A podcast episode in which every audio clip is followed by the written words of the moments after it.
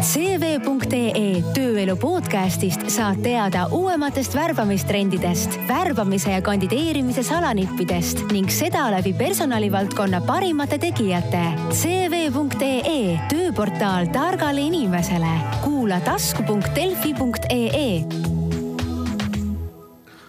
olete asunud kuulama täiesti uut äh, saadet, uut podcasti nimega Tööelu,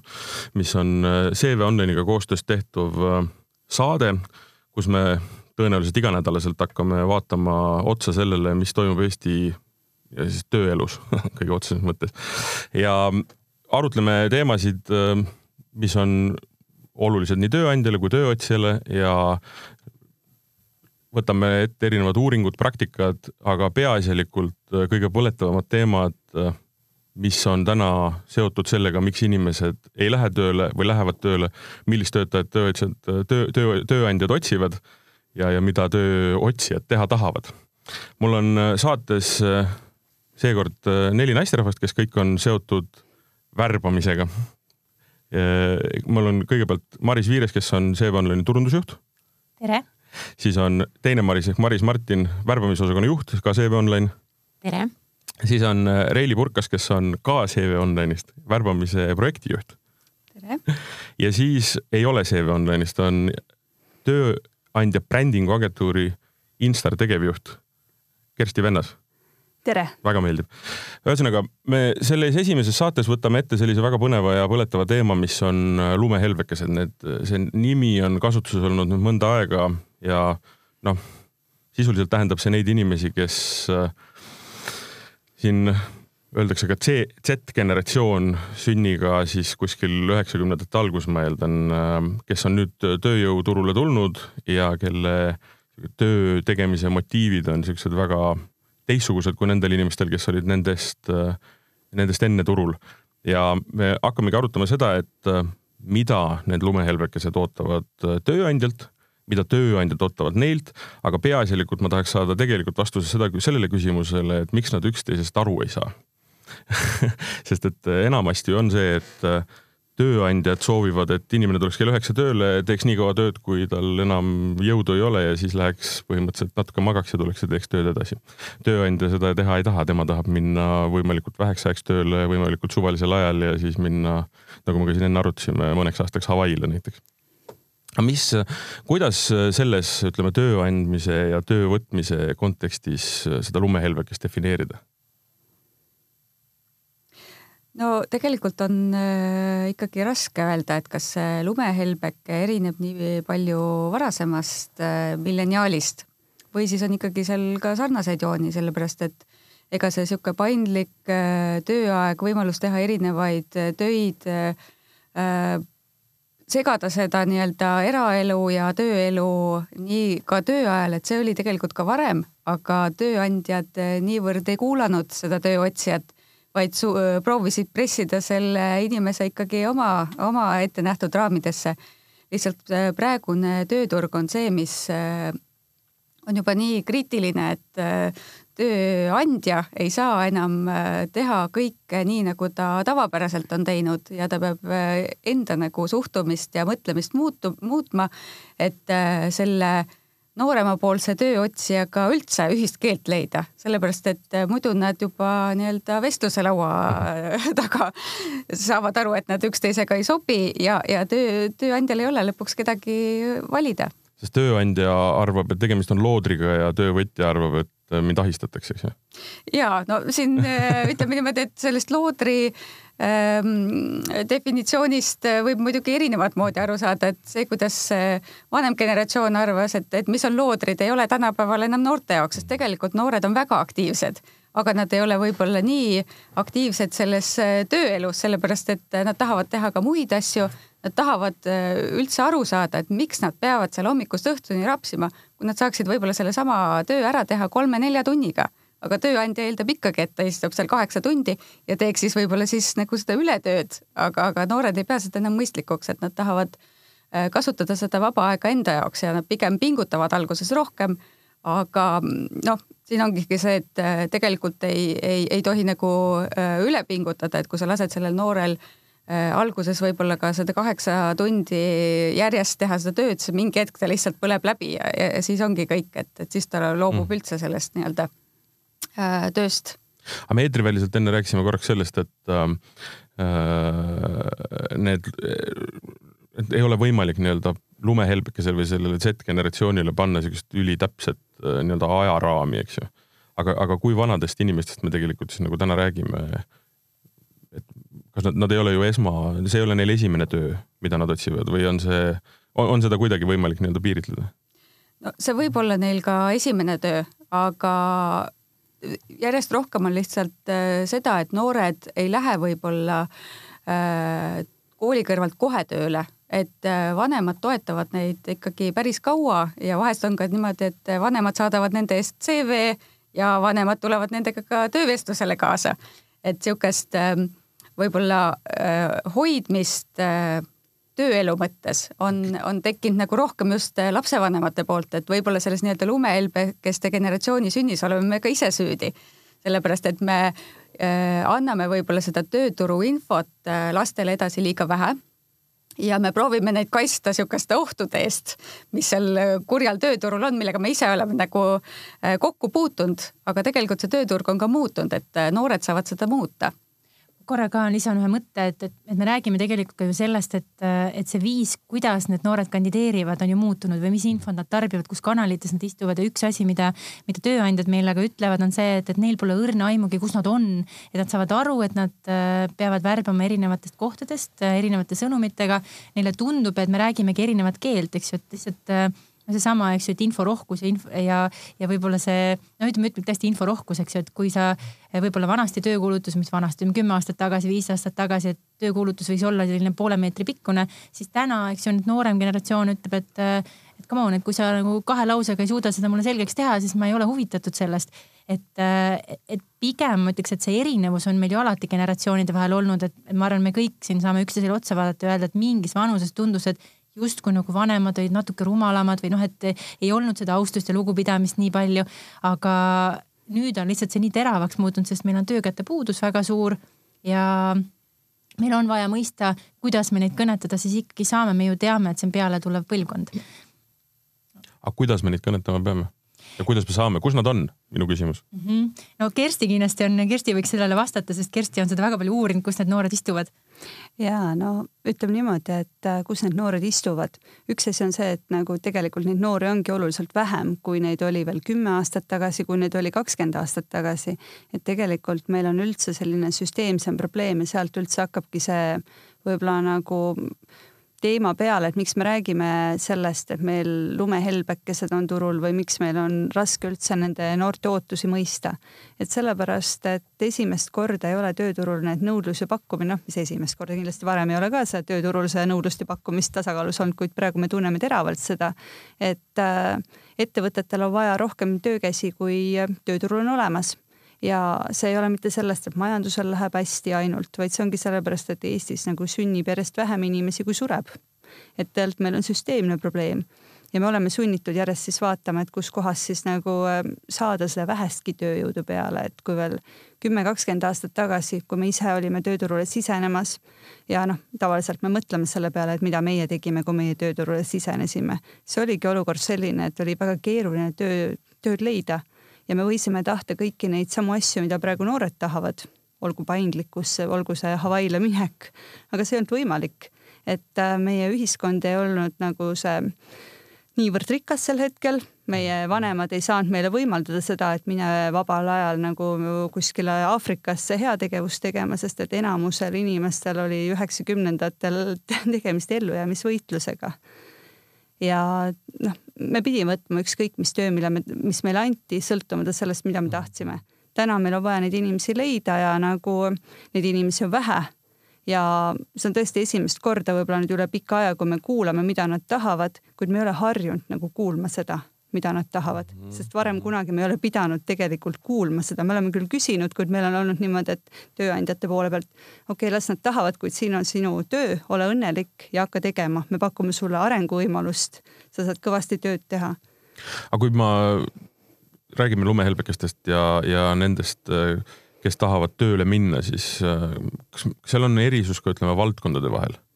Me räägime siin tippspetsialistidest või me räägime siin lihttöölistest, kas me räägime siin, ma ei tea, keskastme juhtidest, kas selle, nende nii-öelda siis noh, valdkondade või, või ka siis tasemete vahel on ka mingisugune erisus, et võib-olla ma nii palju võin öelda, et me oleme tegelikult uurinud siis noorte tööootusi nüüd kümme aastat jutti, alates kaks tuhat kümme aastast. igal aastal on üle kahe tuhande siis ülikooli tudengi vastanud kahekümne minuti pikkuse, pikkusele uuringule. ja me oleme seal välja toonud ka just siis nagu vaadelnud ka, et kuidas siis nagu nende valdkondade lõikes need ootused erinevad.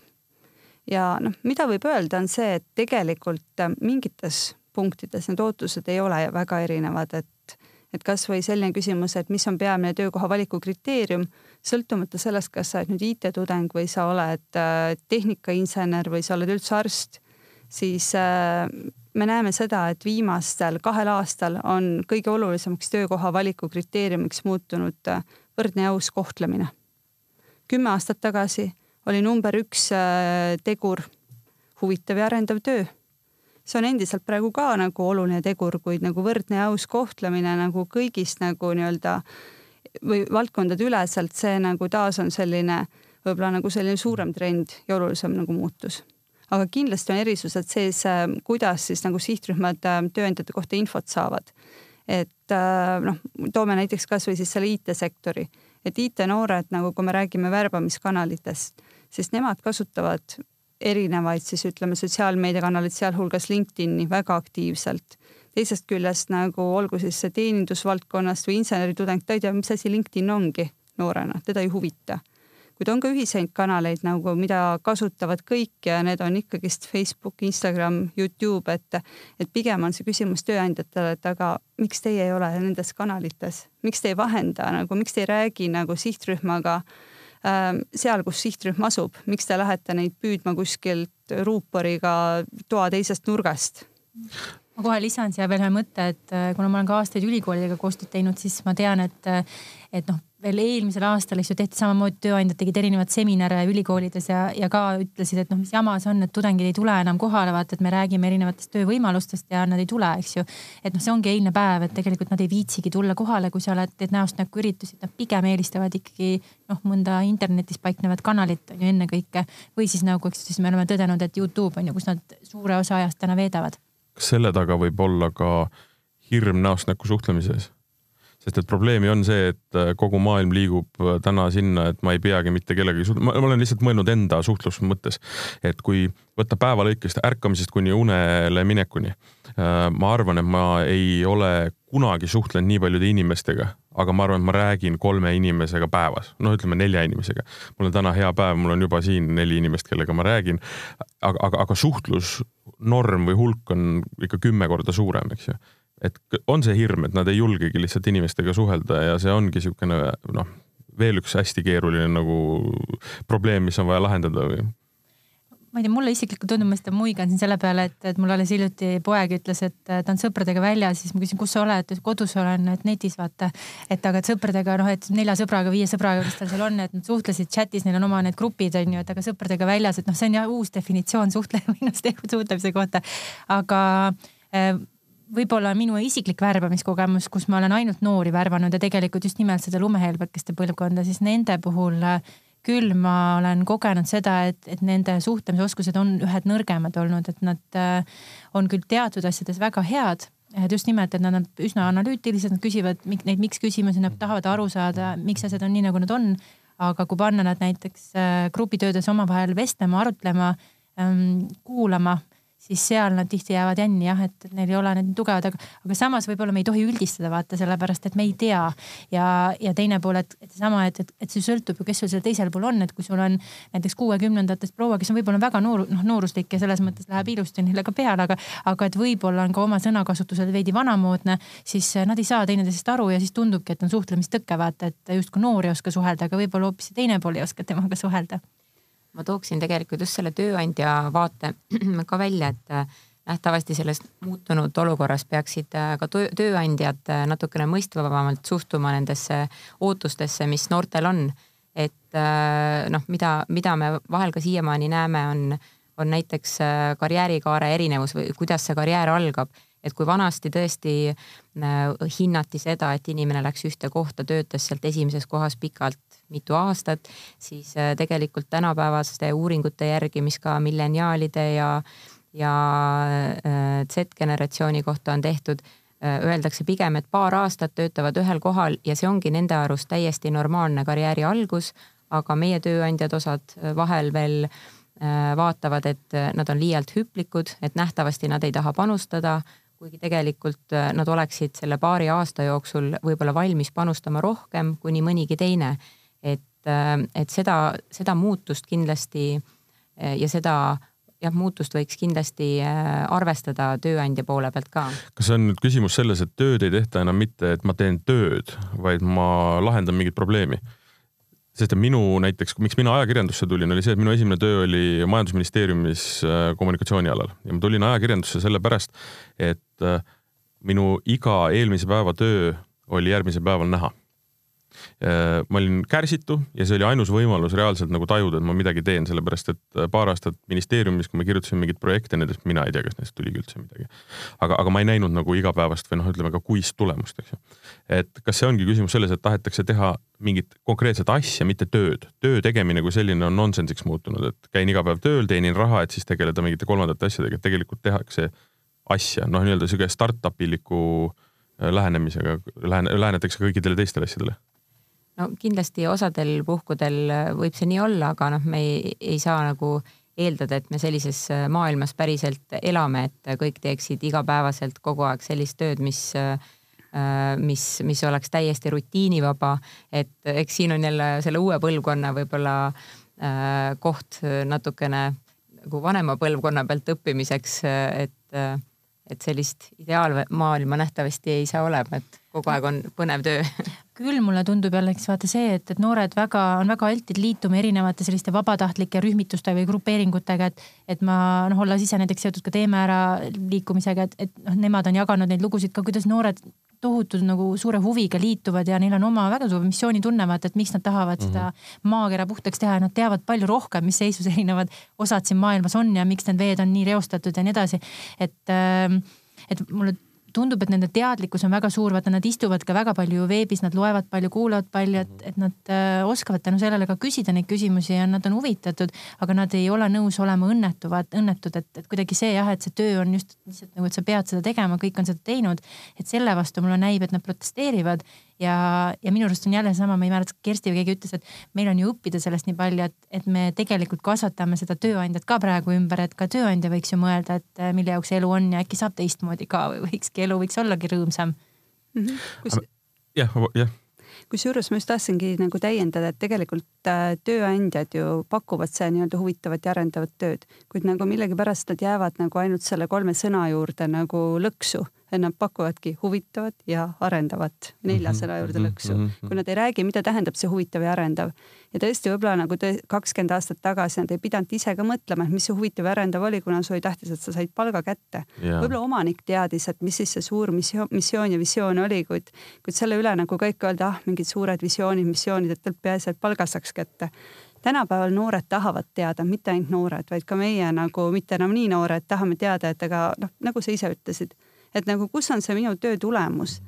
ja nagu, kui isegi ma ei näe seda tulemust kohe, ma tahan teada, et aga kus see minu panus läks. et tudengiuuringust äh, on ka välja tulnud aastate lõikes, et tegelikult nad tahavad esiteks näha enda tulemust, kuid mis neile oluline on näiteks nagu hoopis nüüd teise nurga alt, et äh, lisaks sellele nad saavad paindlikku tööd teha, head palka, nad tahavad saada ka tulemustasu et tegelikult nad on valmis ka panustama selle eesmärgi nimel nagu, kuid nad tahavadki näha, et see töö, mida nad teevad, seal on mingi väärtus, mitte lihtsalt tagumike tundide istumine. kindlasti on seal ka seesama osa, et äh, töö ähm,, kuidas ma siis väljendan e üks asi kindlasti jah, see, et tööd lihtsalt ei taheta enam teha, aga teine asi on see, et äh, inimesed vist vaatavad kogu elu ja, ja ütleme töö tegemist äh, siukeste plokkidena või noh, et, et, et on see siis kaks aastat või viis aastat või kümme aastat, et kuhu ma oma nagu elust järgmise mingisuguse hulga aastaid investeerin, eks ju. ja nüüd ongi küsimus selles, et see ei ole lihtsalt, et ma käin kuskil tööl, räägin mingite inimestega juttu ja siis on mingisugune palk äh, igakuiselt arvel, vaid et see aeg on muutunud üliväärtuslikuks, mis on tegelikult ju noh kogu, kogu nagu inimkonna mõttes ikkagi äärmiselt ju positiivne no siin noorte puhul äh, ei saa ka öelda, et kõik tahavad ühtemoodi erinevust, et startup idesse loomulikult on noori lihtsam meelitada, esiteks on see, et et äh, seal on hästi see visioon paika pandud, mida tahetakse teha, kuigi ülejäänud on kõik ebamäärane, et kuidas selle tulemuseni jõuda, on tihtipeale väga lahtine. ja see, et äh, siis koondatakse tiim kokku ja tehakse brainstorm'i ja kõik saavad kaasa rääkida ja see kaasatus on nagu ka noortele oluline. mitte, et neile ainult öeldakse, mida teha vaid nende käest küsitakse, mida teha ja ütle oma ideid ja paku ideid ja võib-olla kõik need ei lähe nagu käiku, aga midagigi. ja, ja tihtipeale nad ootavad ikkagi seda tulemust ka siis ja panustavad sellesse rohkem, sellepärast et nad tunnevad kaasatust, nad tunnevad, et nad on osa millestki. ja, ja see, et see töövorm on tavaliselt startup ides vaba, ei ole seda töökohta, kus sa pead olema mingisuguse kellast kellani, vaid lepitakse kokku, millal on need kohtumised, millal on mingisugused töösessioonid väga palju ju noori istub õhtuti, öösiti kuskil chatis ja samal ajal siis teeb oma seda töölõiku, vahepeal küsib kellegi käest, teine samasugune on kõrval chatis seal. et noh, et kuule, et ma jooksin siin umbe, et noh, kuule aita mind või tee, vaata üle, onju. et, et sihukesed ähm, noh, täiesti modernsed tööviisid on see, mida nad tahavad, aga on tegelikult ka noori, kes lähevadki tootmistööle, nad teevad äh, selle töölõigu näiteks noh, mitte kella kaheksast, sest äh, noorte seas see kell kaheksa on nagu niisugune natukene vara, aga, aga põhiliselt kuskil üheksast kümnest lähevad tööle, teevad viie-kuueni oma töö ära ja nad võtavad siis selle vaba aja ja tegelevad täiega selle vaba ajaga ja sinna panevad selle kogu energia, mis teil sellest nii-öelda põhitööst üle jäi, et nad ei, nad ei kuluta ennast seal tühjaks selle põhitöö, töö koha peal, vaid nad teevad seda nii-öelda muud, kas grupeeringutes osalemist, sporti, mingisugust vabatahtlikku tegevust või siis veel õpivad, käivad koolis, teevad midagi juurde, et, et see on nagu jah, aeg on nende jaoks hästi-hästi oluline. töötatakse selleks, et elada, mitte vastupidi. täpselt aga ma tahtsin selle kohta küsida, et äh, mis ajal juhtus see, et palk äh, nii-öelda selle töö äh, noh, siis vastuvõtmise kriteeriumina kõige nii-öelda enam ei ole põhikomponent? ma arvan, et äh, palk tegelikult, kui nüüd nagu tagasi mõelda ajas, et me üldse nagu uuringus me palume siis vastajatel hinnata neljakümmend seitset erinevat tegurit, väidet, et kui olulised need väited on neile töökoha valikul ja kaks tuhat kümme aastal kõige olulisem tegur siis töökoha valikul oli tegelikult äh,, oligi see huvitav ja arendav töö. kuid äh, nüüd ja see palk oli seal sel hetkel veel neljakümne seitsme teguri hulgas mingi viiendal kohal, et ta ei olnud nagu kindlasti nagu ebaoluline, kuid äh, ta oli kõrgemal kohal. täna on see kuskil nagu kümnes-üheteistkümnes koht. et keegi nagu ei ütle seda, et palk ei ole oluline sest neljakümne seitsme teguri hulgast nagu ka kümnes, üheteistkümnes koht on nagu väga oluline tegur. kuid kui me hakkame nüüd nagu tahame saada neid häid, häid kandidaate endale, siis me lõpuks mängimegi nende nii-öelda väikeste vahedega, et me peamegi pakkuma seda head palka kuid sellest heast palgast üksi ei piisa, me peame lisaks sellele pakkuma ka siis seda paindlikkust, huvitavat tööd, kus tõesti see töölugu on ära räägitud. ja paindlikkuse osas samuti nagu see huvitav fakt, et me oleme küsinud nagu noortelt, et kus sa sooviksid töötada, erasektor, palgatöö, avalik sektor, kolmas sektor või erasektor, olla ise tööandja. et veel kaks tuhat kümme aastal mingi umbes kümme protsenti tahtis erasektor olla ise endale tööandjaks. täna on see protsent ligikaudu kolmkümmend. ehk siis taaskord nagu see on see otsene viide tööandjatele ja vihje nagu neile, et, et on viimane aeg enda töökorraldust paindlikumaks muuta selleks, et saada neid häid inimesi tööle ja hoida neid olemasolevaid sest noh, tõesti näitena ma sõitsin siia täna Uberiga, kus oli seitsekümmend pluss autojuht, küsisin, miks sulle meeldib see töö, miks sa teed seda.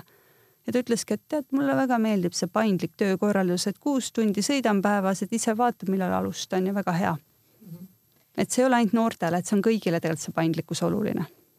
ja meil oli üks äh, ka tööandja, kes, äh, kellel on äh, teenindusettevõte ja tema tõi ka välja, et äh, ta on muutunud, muutnud äh, töökorraldust ja palju noori töötabki tal näiteks äh, osalise tööajaga. ja ta ütles täiesti siiralt, et ta näeb, et nendel noortel, kes, kes töötavad osalise tööajaga tema juures ja teevad lisaks veel näiteks mõnda, tegelevad mõne hobiga. ta ütles, et nende silmad säravad, nad on rohkem rahulolevamad ja ta teab, et nad püsivad tema juures tegelikult kauem, et tal on küll rohkem tegemist endal töö korraldamisega aga lõppkokkuvõttes võidavad kõik, et anda noortele näiteks ka see osalise tööaega töötamise võimalus aga me oleme siiamaani rääkinud nendest äh, nii-öelda lumehelbekestest, aga kui me räägime ka tööandjatest nüüd, siis ähm, mis see peamine mure on, millega tööandjad nii-öelda tulevad, et äh, mis, mis see on, millega nad ei suuda hakkama saada või mis on see, et mis, mis kohas see haakuvus ei ole äh, praegu toimiv? No tööandjate mure ongi see, et esiteks, kuidas neid lumehelbekesi endale meelitada, et kuidas neid tööturult äh, üles leida ja teiseks just see, et äh, kuidas teha see töökoht paindlikuks, sest igat töökohta ei ole tegelikult võimalik äh, jupitada just. ja paindlikuks teha. et noh, juba personaliinimestel on see, et kuidas jagada üks täistööaeg võib-olla kaheks või kolmeks, et see tähendab personalitöötajale lisatööd ja siis ta peab veel ühe inimese võtma, et kes hakkab neid nii-öelda tööplaane tegema aga kõikidel äh, tööandjatel ei ole võimalik seda töökohta teha nii paindlikuks, et äh, kust leida neid äh, muid nüansse, mis, mis see töö noorele võiks pakkuda, et kas on seal hästi palju suhtlemist või siis ta saab organiseerida mingisuguseid asju. et see on nagu noortele ka oluline ja, ja kui meil paljud kaubandustööandjad on öelnud, et noh, et nemad tahaksid, et need Äh,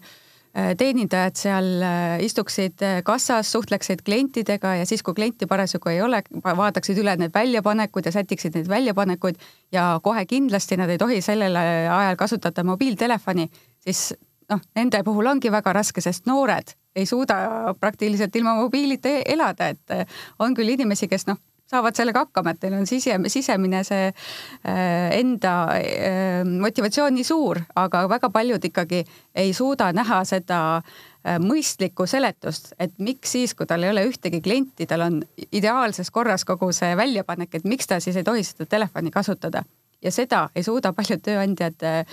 ka endale nii hästi selgeks mõelda ja veel vähem siis sellele noorele inimesele selgeks teha, et miks ei tohi seda telefoni siis kasutada. et noh väga läbi peab olema mõeldud see, et kui sa teed mingisugused reeglid, et miks neid ei saa painutada. ja, ja seda, et, et kuidas sellele inimesele selgeks teha, et, et miks need reeglid algupäraselt on olnud ja et, et näiteks võib-olla mingeid näiteid tuua, et mis on, mis on juhtunud äh, seoses, seoses selle reegliga. aga ega meie traditsioonilised nii-öelda kaubanduskäigud vahepeal ikkagi ka muutuvad, et me rohkem lähme e-kaubandusele üle ja neid inimesi tegelikult jääbki seal vähemaks. see tähendab ka seda, et sellel teenindajal võib-olla ei ole seal äh, seda klienti nii palju teenindada ja, ja ta võiks isegi seal telefonis mingisugust kasulikku äh, asja teha selle asemel, et lihtsalt istuda seal ja oodata, kuni see klient tuleb. aga kas tööandjate puhul on pigem tegemist äh, positiivse nagu suhtumisega sellesse asjasse või ollakse ikkagi üsna niisugused nagu jäigad? Et ma saan aru, et jah, töökäsi on vaja, me otsime need inimesed, tooge meile need inimesed, CV Online, aidake välja, meil on vaja neliteist inimest panna kohe homme tööle, aga on, tulevad nad vastu, on nad nagu nõus tegema muutuseid, võtma selle uue nii-öelda personaliinimese, kes tegeleb nende uute plaanidega või, või, või kuidas see nende suhtumine on? No meie käest nad küsivadki, et kas see on nagu hädavajalik, et nad juba mõtlevad selle peale, et tõenäoliselt on, sellepärast et kui, kui ei ole tegelikult seda inimest ja, ja nad võib-olla arvavad, et nad ei leia seda, aga kui nad saavad aru, et teistel tegelikult on samasugune probleem ja tegelikult ongi see, et, et mingi hetk nad peavad oma süsteemi ja, ja võib-olla ka iseennast muutma. sest mis on võib-olla mitte ainult lumehelbekeste puhul, vaid juba ka varasemalt, et kunagi õpetati, et vanemaid tuleb austada, aga nüüd eeldavad need noored, et äh, austus tuleb välja teenida. et, et sa ei ole lihtsalt sellepärast, et sa oled ülemus, sa oled nüüd äh, kõige tähtsam A ja O ja nii, nagu sa ütled, et nii on, vaid sa pead põhjendama, miks on asjad niimoodi, nagu nad on. ja, ja seda ka, et äh, kui tema peab midagi tegema, et mis on see nii-öelda tulemus, kuhu, kuhu ta lõpuks jõuab ja miks see protsess peab olema selline, nagu sina ütled vaid eh, kui tema pakub mingisuguse parema lahenduse, et miks ei saaks näiteks seda kasutada, mhm. et nad peavad palju rohkem suhtlema omavahel ütleksin, et siin lähevad kindlasti juured äh, ka üldisesse juhtimiskultuuri muutusesse, haridussüsteemi kasvatusmeetodisse, meetoditesse, et äh, kuna vanasti käis kõik pigem sellise käsu kaudu, siis nüüd. ülevalt alla hierarhiline. täpselt, et nüüd on see selline kaasatus ja põhjendamine iga otsuse taga, sa ikkagi, ka hea juht põhjendab, miks seda tehakse, et tegelikult selles mõttes ei erine need noored ka teistest inimestest, lihtsalt noored julgevad seda võib-olla välja öelda tihti, mida teised vaikselt mõtlevad ja miks nad vanem generatsioon võib-olla ei ütle välja, on jälle seesamane, see, kust me tuleme, ajaloolised põhjused ja nii edasi et see seesmiselt on see teadmine ja arusaam tegelikult ju paljudel täpselt samasugune. -hmm. ja võib-olla üks nagu selline väike nagu nii-öelda vastuolu koht on ka siin, et, et äh, siiamaani noh, ütleme paljudel tööandjatel võib-olla on sisemiselt asjad väga hästi korras, leitakse ka uued paindlikud tööviisid töötajad on väga lojaalsed, neile meeldib seal töötada, aga nad on ikka millegipärast hädas ja ei leia neid inimesi. Ja võib-olla sealt tekibki see nii-öelda see teine väljakutse koht, et tööandjad ei ole siiamaani harjunud rääkima endast kui tööandjast, harjunud nagu ennast kiitma, näitama, et kuulge, et tegelikult noh, me oleme super hea nagu pakume seda teist, et ollakse harjunud rääkima enda tootest-teenusest, kuid mitte sellest, et tegelikult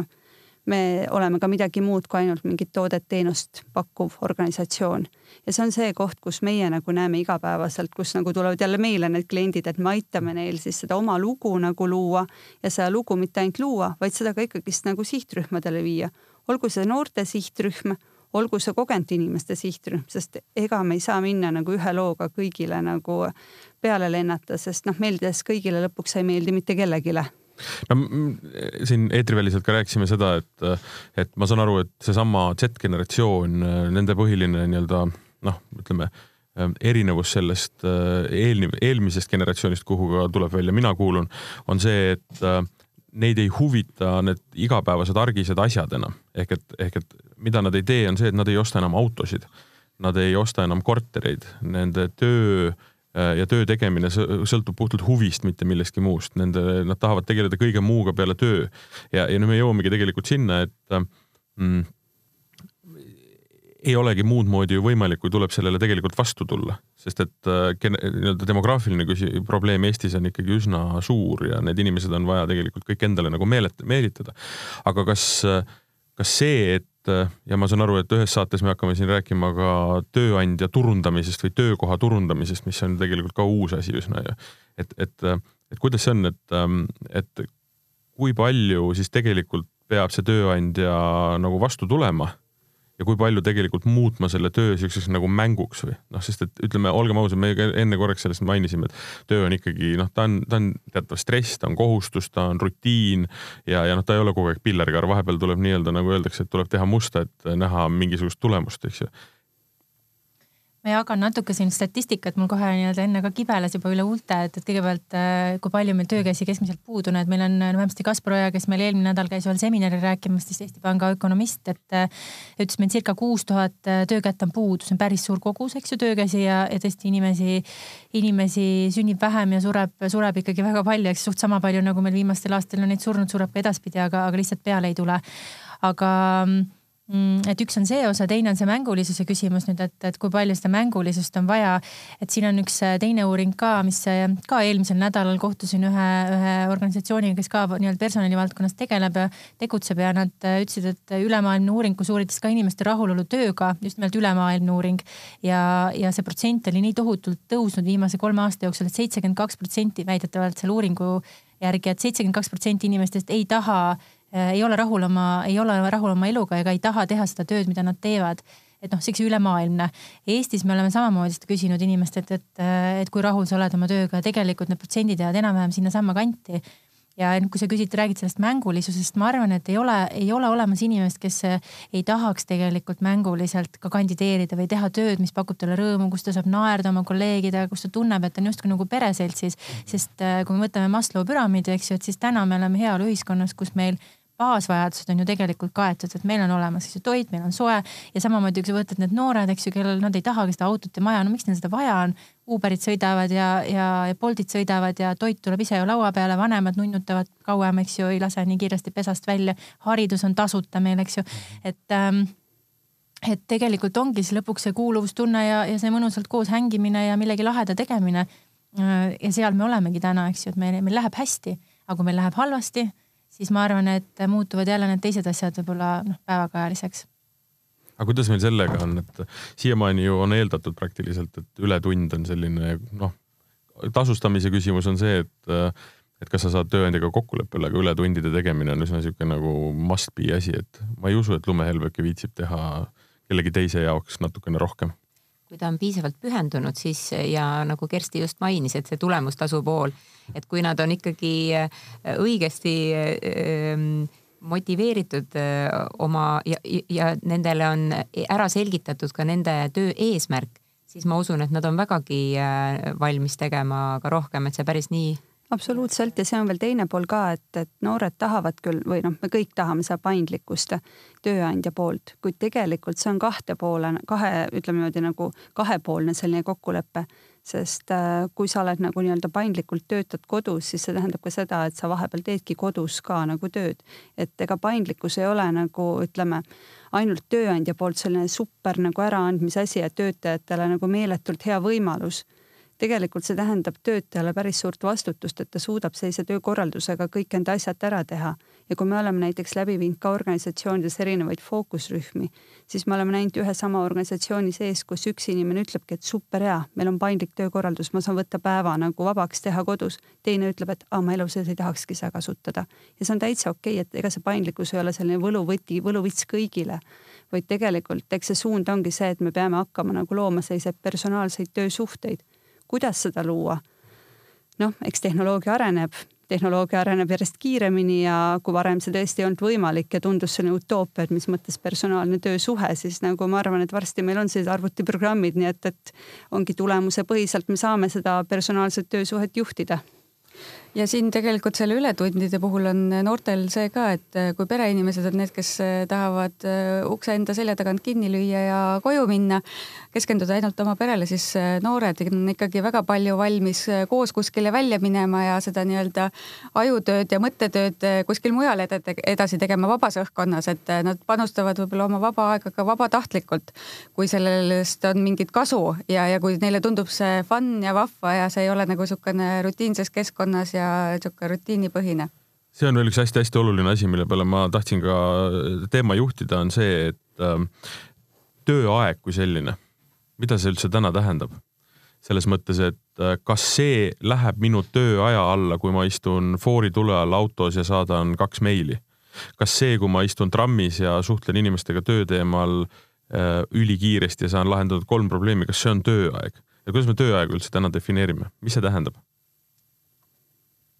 No see on ikkagi ettevõttepõhiselt erinev, et äh, osades ettevõtetes on äh, see, et sa logidki mingisse programmi sisse ja sa mõõdad oma tööaega konkreetselt, kui palju sa midagi tegid, eh, mille jaoks sa seda aega eh, kulutasid ja ka nii-öelda võib-olla need eh, tariifid on seal erinevad, et kui, kui palju näiteks maksab meili, kliendi meilile vastamine ja kui palju on siis mingisugune omavaheline sisesuhtlus. aga no ma mõtlengi just sedasama, et kui tööaeg lõpeb, inimesed lähevad kaheks-kolmeks tunniks baari või sportima ja seal jätkub nii-öelda vestlus ja selle tulemusel tegelikult järgmiseks päevaks on mingi probleem lahendatud või kolm inimest on saanud nii palju sisendit, et nad saavad oma tööga edasi minna siis noh, iseenesest see ju töö tegemise alla ei lähe,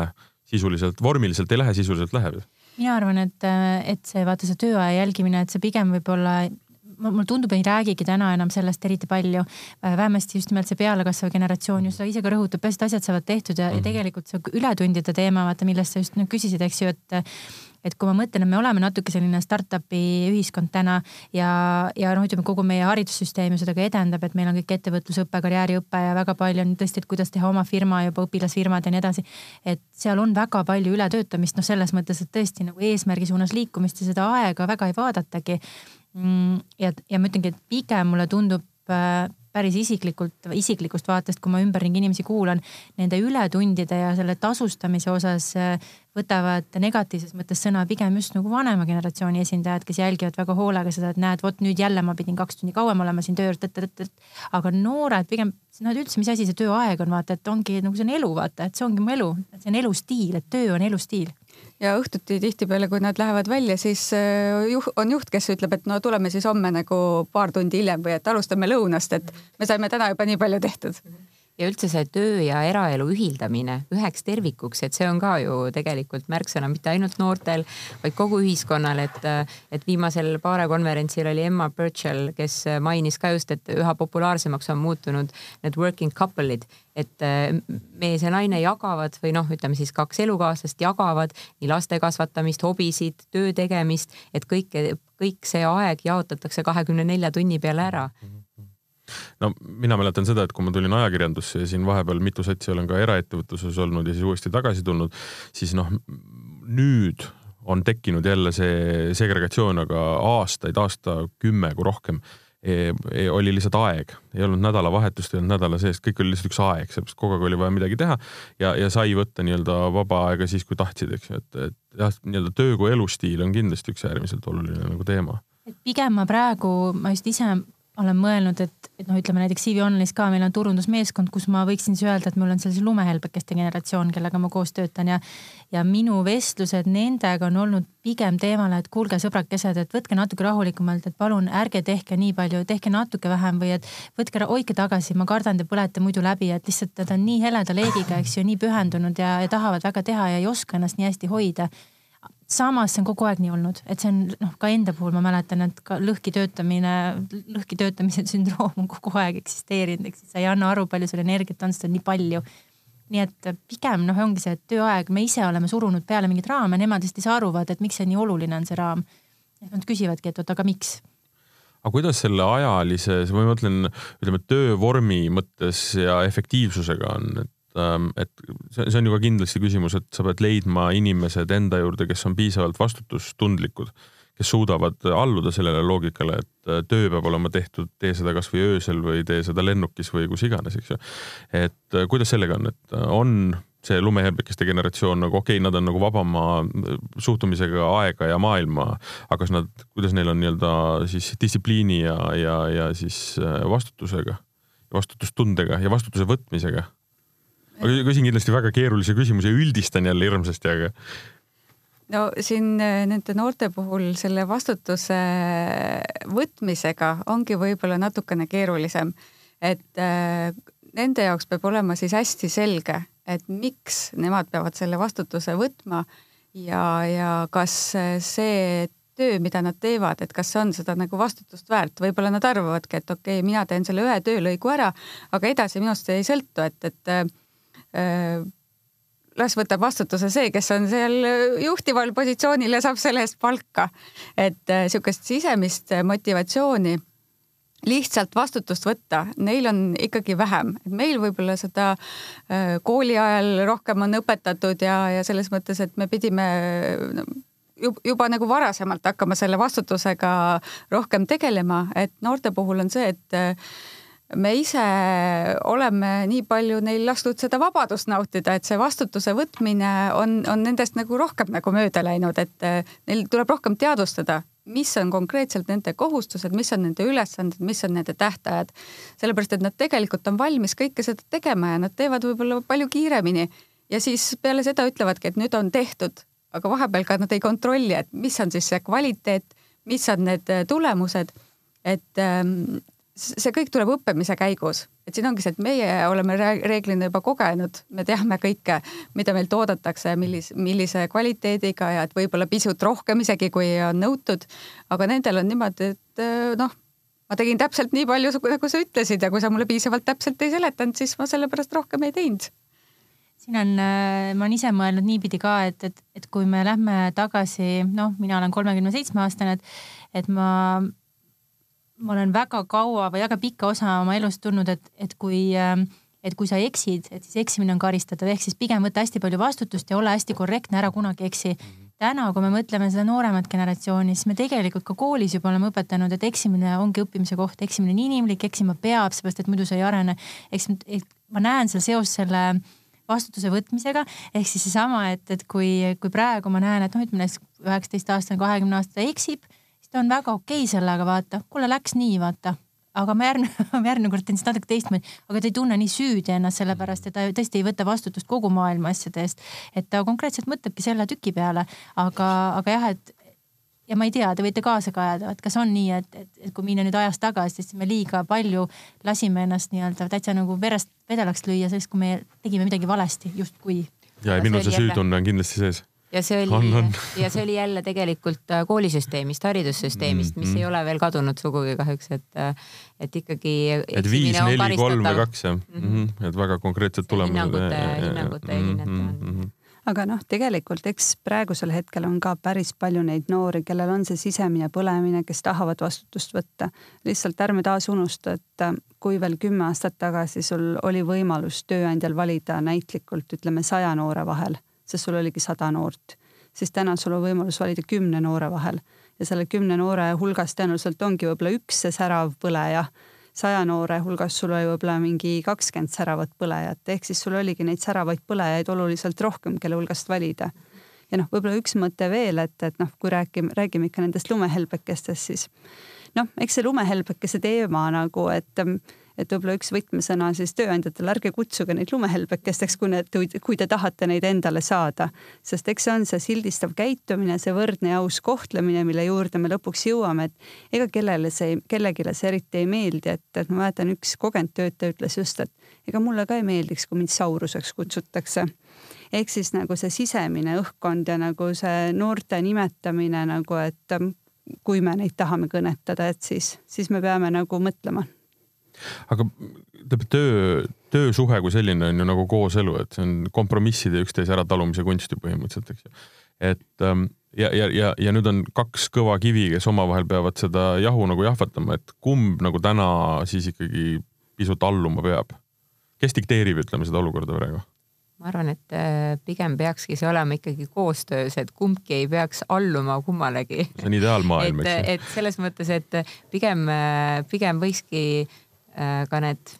nendelt samadelt noortelt võiks õppida seda mhm. avatust mm, -hmm. oskust äh, tunda rõõmu väikestest asjadest, see küll võib tunduda sellise klišeena või, või tõesti selle ideaalmaailmana, aga, aga ma arvan, et see on asi, mida oma ettevõttes sees ka pigem nagu oleks äh, igal tööandjal rõõm näha, et, et tema juurde tahavad tulla ka noorem põlvkond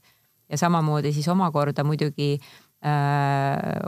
vanema generatsiooni pealt, anda nendele noortele võimalus, lasta neil eksida ja nad ju ka õpivad samamoodi, et lõppkokkuvõttes on läbi aegade noored olnud sellised, kes äh, on alles õppimas, äh, nad ei tea asju ja kogu see töö, töö, tööl käimise rutiin on nende jaoks uus ja seda kõike peab nagu toetama pigem, mitte siis maha tegema või sildistama aga statistiliselt äh, on, on see suund praegu õige, et me näeme täna, et tõesti töökäsi on puudu, see tähendab seda, et tööandjad on täna vaata et suuremas ebamugavustsoonis kui, kui need, kes tööd otsivad, kuigi mõlemad kurdavad aga tööandjad on täna rohkem hädas ja, ja, ja seda me ka näeme ja see, ja see, see paneb ka meid ju konkreetselt rabelema rohkem ja mõtlema eri lahenduste peale, et kuidas me tööandjat saame aidata. ehk siis ma pigem nagu täna, kui ma peaks valima, siis ma ütleks, tööandja on kindlasti keerulises positsioonis, sest ta ei oska vaata, ta, tal on vaja ja ta ei saa lubada endale seda, et tal on teatud kohad täitmata. ehk siis tema kindlasti paindub rohkem, sest noorel noh, kui me just tõesti nendest nooremast generatsioonist räägime, tal on lihtsam jääda täna ellu, tal on äh, turvavõrk on täna suurem kui kukkuda, sest meil läheb majanduses veel hästi nii et, et jah, et nemad mm -hmm. ei mhm. pea nii palju rabelema, nad võtavad, noh, nagu ma enne rääkisime eetriväliselt ka, et, et ongi töövestlus, kus noor ütleb, et, et noh, kuulge, aga kui sobib, siis ma niimoodi kuueks kuuks tuleks ja siis mul on tegelikult planeeritud see pikk kaheaastane või noh, aastane ring, ringreis seal niimoodi selles piirkonnas, et, et ja no neil silm ka ei pilgu, seepärast et see on nende jaoks ju okei okay aga tööandja mõtleb, et iherum, noh, õpeta välja, korraks saab teha tööd ja nüüd ma hakkan jälle uuesti otsima. no siin tegelikult on veel üks äh, variant veel, et ega see noored lumehelbekesed ei tule ju ainult Eestist, vaid meil on ka kultuurilised erinevused, et kui me tahame häid töötajaid, siis tuleb neid võib-olla ka väljaspoolt äh, sisse tuua. see tähendab paratamatult seda, et tööandja peab muutma oma seda ettevõttesisest äh, töökultuuri, et sinna sobiks ka nii-öelda võib-olla väljaspoolt meie kultuuriruumi tulevad inimesed pluss tihti tuleb muuta ka töökeelt, sellepärast et ega eesti keel ei ole ju rahvusvaheline. Ja tegelikult need lumehelbekesed oma keeleoskusega sobivad väga hästi sellesse uude äh, töökultuuri, sest nad on hästi paindlikud, nad on äh, hästi, võtavad vastu just neid võib-olla välistöö äh, esindajaid siin ja nad suhtlevad nendega palju, käivad väljas, tekitavad seda niisugust tiimitunnetust mida võib-olla vanemad töötajad ei suuda ka nendele võõralt maalt sissetulijatele pakkuda. et see ettevõtte kultuur, töökultuur juba sellega muutub ja nad aitavad tegelikult sellele kõvasti kaasa aga üks asi on see paindlikkuse küsimus, aga teine asi on ju veel see, et on puhas nii-öelda kultuurituse küsimus, noh, ütleme üks asi on see, ma olen palju kuulnud, äh, kuna minu põhivaldkond, millega ma tegelen, on tegelikult toit ja restoranid, siis äh, ütleme, kokkadega ongi see, et nad lihtsalt ei ilmu hommikul tööle, nad on reaalselt palgal ja nad ei ilmu tööle sellepärast, et noh, läks meelest ära,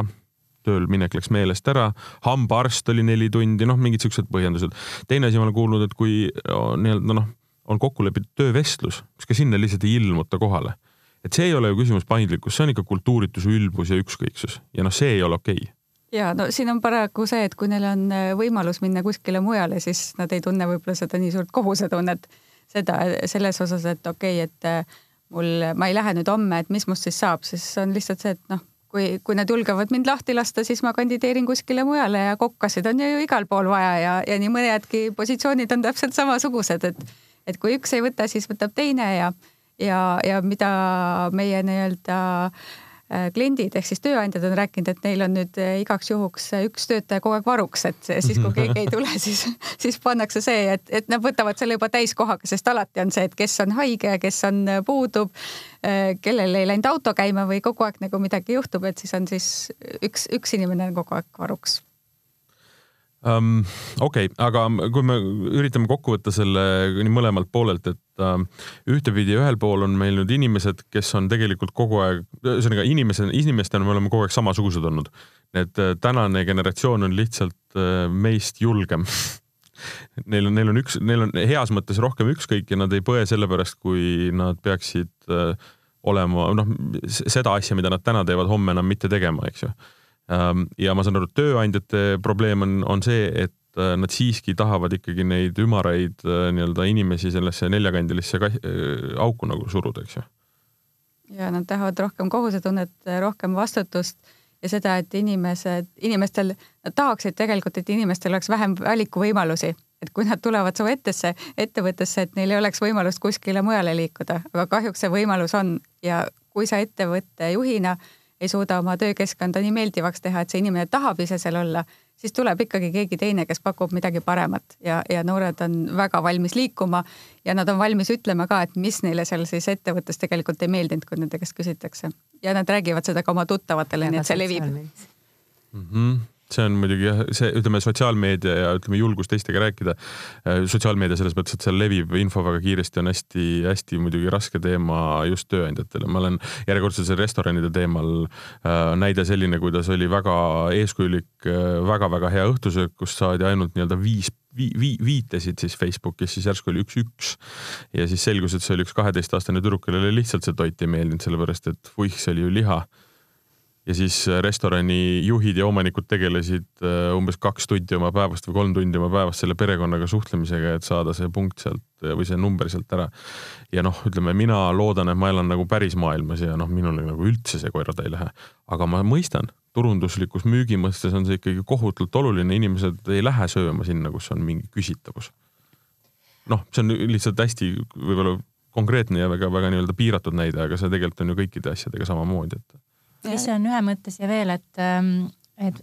et mulle tundub, et seesama, et meil on täna nii-öelda nagu klaasuksed, eks ju, või klaasaknad, et meil on organisatsioonid nii avatuks muutunud ja ja kuidas on see beebide näide, vaata, et, et, et kui sa niikaua, kui sa annad beebile ainult seda kõrvitsapüreed, seda kaalikapüreed, siis ta ei oska, noh, ta võtab seda hea meelega, see on toit, vaata, see tundub talle ikkagi põnev ja uus mm -hmm. maitse, aga proovi, eks ju, pärast banaanipüreed talle uuesti kaalikat suhu surada, et sa ei võta, ei võta enam seda suu sisse ja tänane tööturg on sarnane tegelikult, et, et kui me näeme, et, et me juba kuuleme me neid ägedaid lugusid, eks ju, nii nagu Kerstigi siin ütleb tööandja brändinguga vaata, et, et kes teeb vingeid asju, kuidas need kollektiivid toimuvad, mida kihvti koos tehakse, kuidas töötajaid hoitakse, need lood levivad. Ja kui sa kuskilt oled juba kuulnud, et äh, saab teistmoodi, no siis ma ei taha ausõna minna, minna sellesse kandilisse vormi enam tagasi ja ma hakkan nõudma seda ja hakkan noh, seepärast, et see tundubki ju palju parem ja, ja seda me näemegi, et see ongi see minu arust, minu arust nagu väga lihtsalt öeldes ongi see muutus. me oleme ise seda väga teadlikult loonud ja, ja, ja nüüd need, kes ei taha sellega kaasa tulla, neil ongi ebamugav ja nemad ka kõige rohkem ju häält täna teevad. aga kui me mõtleme seda startup'i kultuuri, näiteks me näeme, nendel on kõik, need muutused on seal juba ju sündinud. Nad väga hoiavad ja neil läheb hästi, nad leiavad ka inimesi ja, ja nad tegelevad väga palju selle sisekultuuri ja väärtustega ja näitavad seda väljapoole ja, ja seepärast nad on ka nii atraktiivsed no väga palju võib olla ka ju muidugi sellest, et see noor lihtsalt ei tea, mis seal uste taga toimub, selles mõttes, et see võib olla äärmiselt konventsionaalne äh, nii-öelda ettevõtmine väga kindlate tööaegadega ja see äkki talle sobibki sest et tema, tema maailmas on olnud kõik ikkagi niimoodi sinna-tänna, noh, sõprade järgi ja kogukonna järgi, aga tegelikult talle sobibki see väga konkreetne nii-öelda tööaeg või töövorm või asjad onju kusjuures see kindel ja stabiilne töökoht on ka noorte tööootuste uuringus valikukriteeriumite osas väga kõrgel kohal ja see nagu on täpselt selline vastuoluline. täielik nagu skisofreeniline olukord ju. jah, et nad tahavad paindlikkust, aga tegelikult äh, mida see siis tähendab, kuidas me oleme selgitanud seda tööandjatele, on see, et kui ta lähebki aastaks sinna Austraaliasse, ta. Tahab, et tagasi tulles tal see töökoht oleks olemas. Ja see ongi see stabiilsus. Või kui ta senikaua, kui ta enne Austraaliasse minekut töötab selle tööandja juures, ta ei taha, et see töökoht kaoks ära näiteks mingi, ma ei tea, ühe päeva pärast, eks ju. et see on hästi oluline. Ja see teine mõte ka nagu, et, et tegelikult tööandjad peavadki rääkima, milline on see te, te, nende lugu, et kui nad ongi selline väga noh, ütleme nagu raamides selgete, selge süsteemi ja struktuuriga ettevõte, siis see ei tähenda, et see on halb või hea võimalik, et nagu tegelikult neil on oma see sihtrühm olemas, kui nad peavadki ausalt rääkima, mis neil on. kui selgub, et tõesti sellele juhtimismetoodikale ja organisatsiooni kultuurile turgu ei ole, siis tuleb midagi muuta. kuid parem nagu see rääkida sellest ja järgi testida, kas see toimib, kui lihtsalt vait olla ja vaadata, et kas nüüd näkkab või mitte ja see selline eneseanalüüs ja eneseteadlikkus, et milles äh, konkreetselt see mõni noor siis tugev on või milline töö näiteks talle sobib. siin kindlasti aitavad igasugused erinevad äh, nii riiklikud kui ka meie enda karjäärinõustamised kaasa, et äh, üldse in, inimene ise aru saaks, mida ta tahab, kus ta ennast õnnelikuna tunneb, et siis kindlasti on ka see töösuhe tööandjaga tegelikult ju äh, produktiivsem ja, ja kõik on õnnelikumad. sest me ei ole ju keegi samasugused meil on kõigil eri ja lisaks me muutume, meil on erinevad soovid ja mõtted, aga ka sihuke üks noh, grupi äh, grupi noh, kuidagi, kuidas ma ütlen siis äh, identiteet on ikkagi nagu suurem ja, ja tihtilugu arvatakse, et ma lähen ka Austraaliasse paariks aastaks, aga on olnud palju sõpru, kes on sealt tulnud kuu aega hiljem tagasi löönud käega, et täitsa loll mõte. Aga üks küsimus on veel, mis saab siis, äh, kui me nii-öelda lumehelbekese probleem on lahendatud, kui nemad saavad täiskasvanuks lapsed ja jõuavad nii-öelda siis siuksesse mõnusasse rahulikku ikka, et kes, kes järgmisena tulevad, mis järgmisena tuleb? siis tuleb alfa põlvkond ja robotid. ootame, tulevad Robocop. suhtlusarvutiga. Minu, minu töö. alfa kuni, kuni tähestiku lõpuni on nii praegu välja öeldud. inimene, robot võiks tulla ja võtta küll inimese töö ära, ma tahan ka sinna Hawaii'le minna. aga ma tahan palka saada ja ma tahan, et keegi aga... selle töö ikkagi ära teeks. suhtlust arvutiga koordineerib siiski inimene ja no siin ongi ikkagi Äh, need põlvkonnad äh, vahetuvad samamoodi nagu moetrendid, et mingisugused vanad tulevad jälle kuskilt äh, tagasi ja siis hakkab jälle ring peale, et lihtsalt mingid töökohad kindlasti võtavad arvutid üle, aga alati jääb inimesele ka see roll siin. ja sama et, nagu avatud kontoritegagi oli, et tulid avatud kontorid kui uudne ja väga modernne ja lahe viis töötamiseks ja nüüd äh, hakatakse tagasi jõudma vanade kinniste kontorite juurde, siis jõutakse uuringutega tule, tulemuseni, et see ei olegi nii efektiivne, et kunagi me tegelikult ei tea ju, mida see järgmine põlvkond äh, näiteks äh, soovib või tahab, võib-olla nemad tulevad hoopiski tagasi natukene vähem paindlikemate või, või mida nemad üks, üldse ootavad, et seda mhm. saame me näha kusjuures see on nagu väga hea point, mille sa välja tõid, et tegelikult uuringud aitavad meil nagu kraadida seda hetkeolukorda, et kasvõi see meie poolt läbi viidud kümme aastat kestnud tööootuste uuring, mis ka sel aastal nüüd praegu just käimas on, see annab nagu meile ja tööandjatele väga hea nagu tunnetuse kätte, et mis on üldse siis nagu praegu tööturul toimumas, mida pakkuda neile noortele ja ka kogenumatele, sest kui meil ei ole uuringut, teeme me neid asju kõhutundel ja kõhutundel meil võib õnneks asi minna, kuid kui ei lähe õnneks, siis me isegi ei tea, mis meil valesti läks. uuringu puhul vähemalt me teame, mis meil valesti läks sel juhul ja me saame muuta teadlikult. just ja mul on tunne, et need äh, nii-öelda järjekordselt sildistan, aga see lumehelbekeste nii-öelda põlvkond, mulle tundub, et üks asi, mille, mida neile teha ei meeldi, on totrused. Või noh, nende mõttes nagu totrused, et äh, neil on vaja ära põhjendada ja see peab olema õigustatud ja kui nüüd panna tegema totruseid, siis seal on kohe nii-öelda plokk ees, eks ju. me oleme jõudnud oma saatega sellesse vormi, kus peaks võtma kuidagi selle asja kokku, aga ma saan aru, et kuna see teema on niikuinii selline äärmiselt volatiilne ja järgmisena tulevad üldse robotid, siis ma arvan, et las need lumehelbekesed jooksevad amokki. aga ma saan aru, et pigem on küsimus selles ju, et inimesed äh, kahelt poolt nii-öelda tööandjad ja ka need töövõtjad peaksid omavahel ikkagi rääkima ja, ja pigem julgemalt äh, nii-öelda vaatama üksteise vajadustele ja, ja ideedele ja mõtetele otsa ja, ja üldiselt siis nagu kõik laheneb, et noh, vana, vana reegel, rääkimine alati aitab ja siis ja, ja veel ja veel see, et lõpetage hinnangute andmine, et, et väga palju ollakse hinnangulised eh, ja nendest noortest räägitakse väga palju halba, et lihtsalt tasuks tõesti kuulata neid, mitte tõesti ainult küsida seda arvamust, vaid ka tegeleda sellega, mis nad ütlevad ja mitte kohe öelda, et vot see on nüüd, oh neid on ju jälle valesti midagi, et, et lihtsalt reaalselt arvestada ja, ja märgata ja, ja proovida siis kuulata. ja kui alguses oli siin küsimus, et kas nad tegelikult tahavad üldse otse suhelda või mitte et äh, tegelikult on nad ju väga usinad kirjutajad, et kui sa kirjutad neile midagi, nad kirjutavad sulle kohe vastu, paar sekundit ja juba on äh, terve nii-öelda mitu rida sinna kirjutatud sellest, mida nad tegelikult tahavad ja arvavad ja, ja me oleme proovinud muidugi neid noori panna ka video CV-sid tegema, aga selleks neil võib-olla veel piisavalt julgust ei ole. aga kui kutsuda nad eh, kohale ja, ja tuletada meelde neile, et millal neil kohtumine oli et eh, siis, siis nad tulevad kohale, nad suhtlevad väga hea meelega. Neil on tegelikult valmis mõeldud seda, et mida nad tahaksid teha, eh, kuidas nad tahaksid teha ja, ja mis see eesmärk on, et kuhu nad tahaksid jõuda ja kui nad tahavad sinna äh, Austraaliasse, Hawaii'le minna, see on neile ka juba valmis mõeldud, et sa lihtsalt tööandjana siis tead sellega arvestada selge pilt ja sellega tõmbame, ma arvan, sellele tänasele saatele joone alla. see teema on äärmiselt põnev ja ma usun, et äh, tekkis ka väga palju küsimusi ja väga palju kommentaare ja meil on tulemas ka emaili aadress ja, ja kanalid, kus need saated saavad kõik olemas olema ja kus saavad olema ka kana nii-öelda siis võimalused äh, esitada küsimusi ja kommenteerida. Äh, mul on hea meel, saates olid täna äh, Maris Viires, Maris Martin ja Reili Purkas CV Online'ist ja Kersti Vannas oli agentuuris Instar. mina olin saatejuht Martin Hanson. ma loodan, et järgmine saade on eetris nädala pärast ja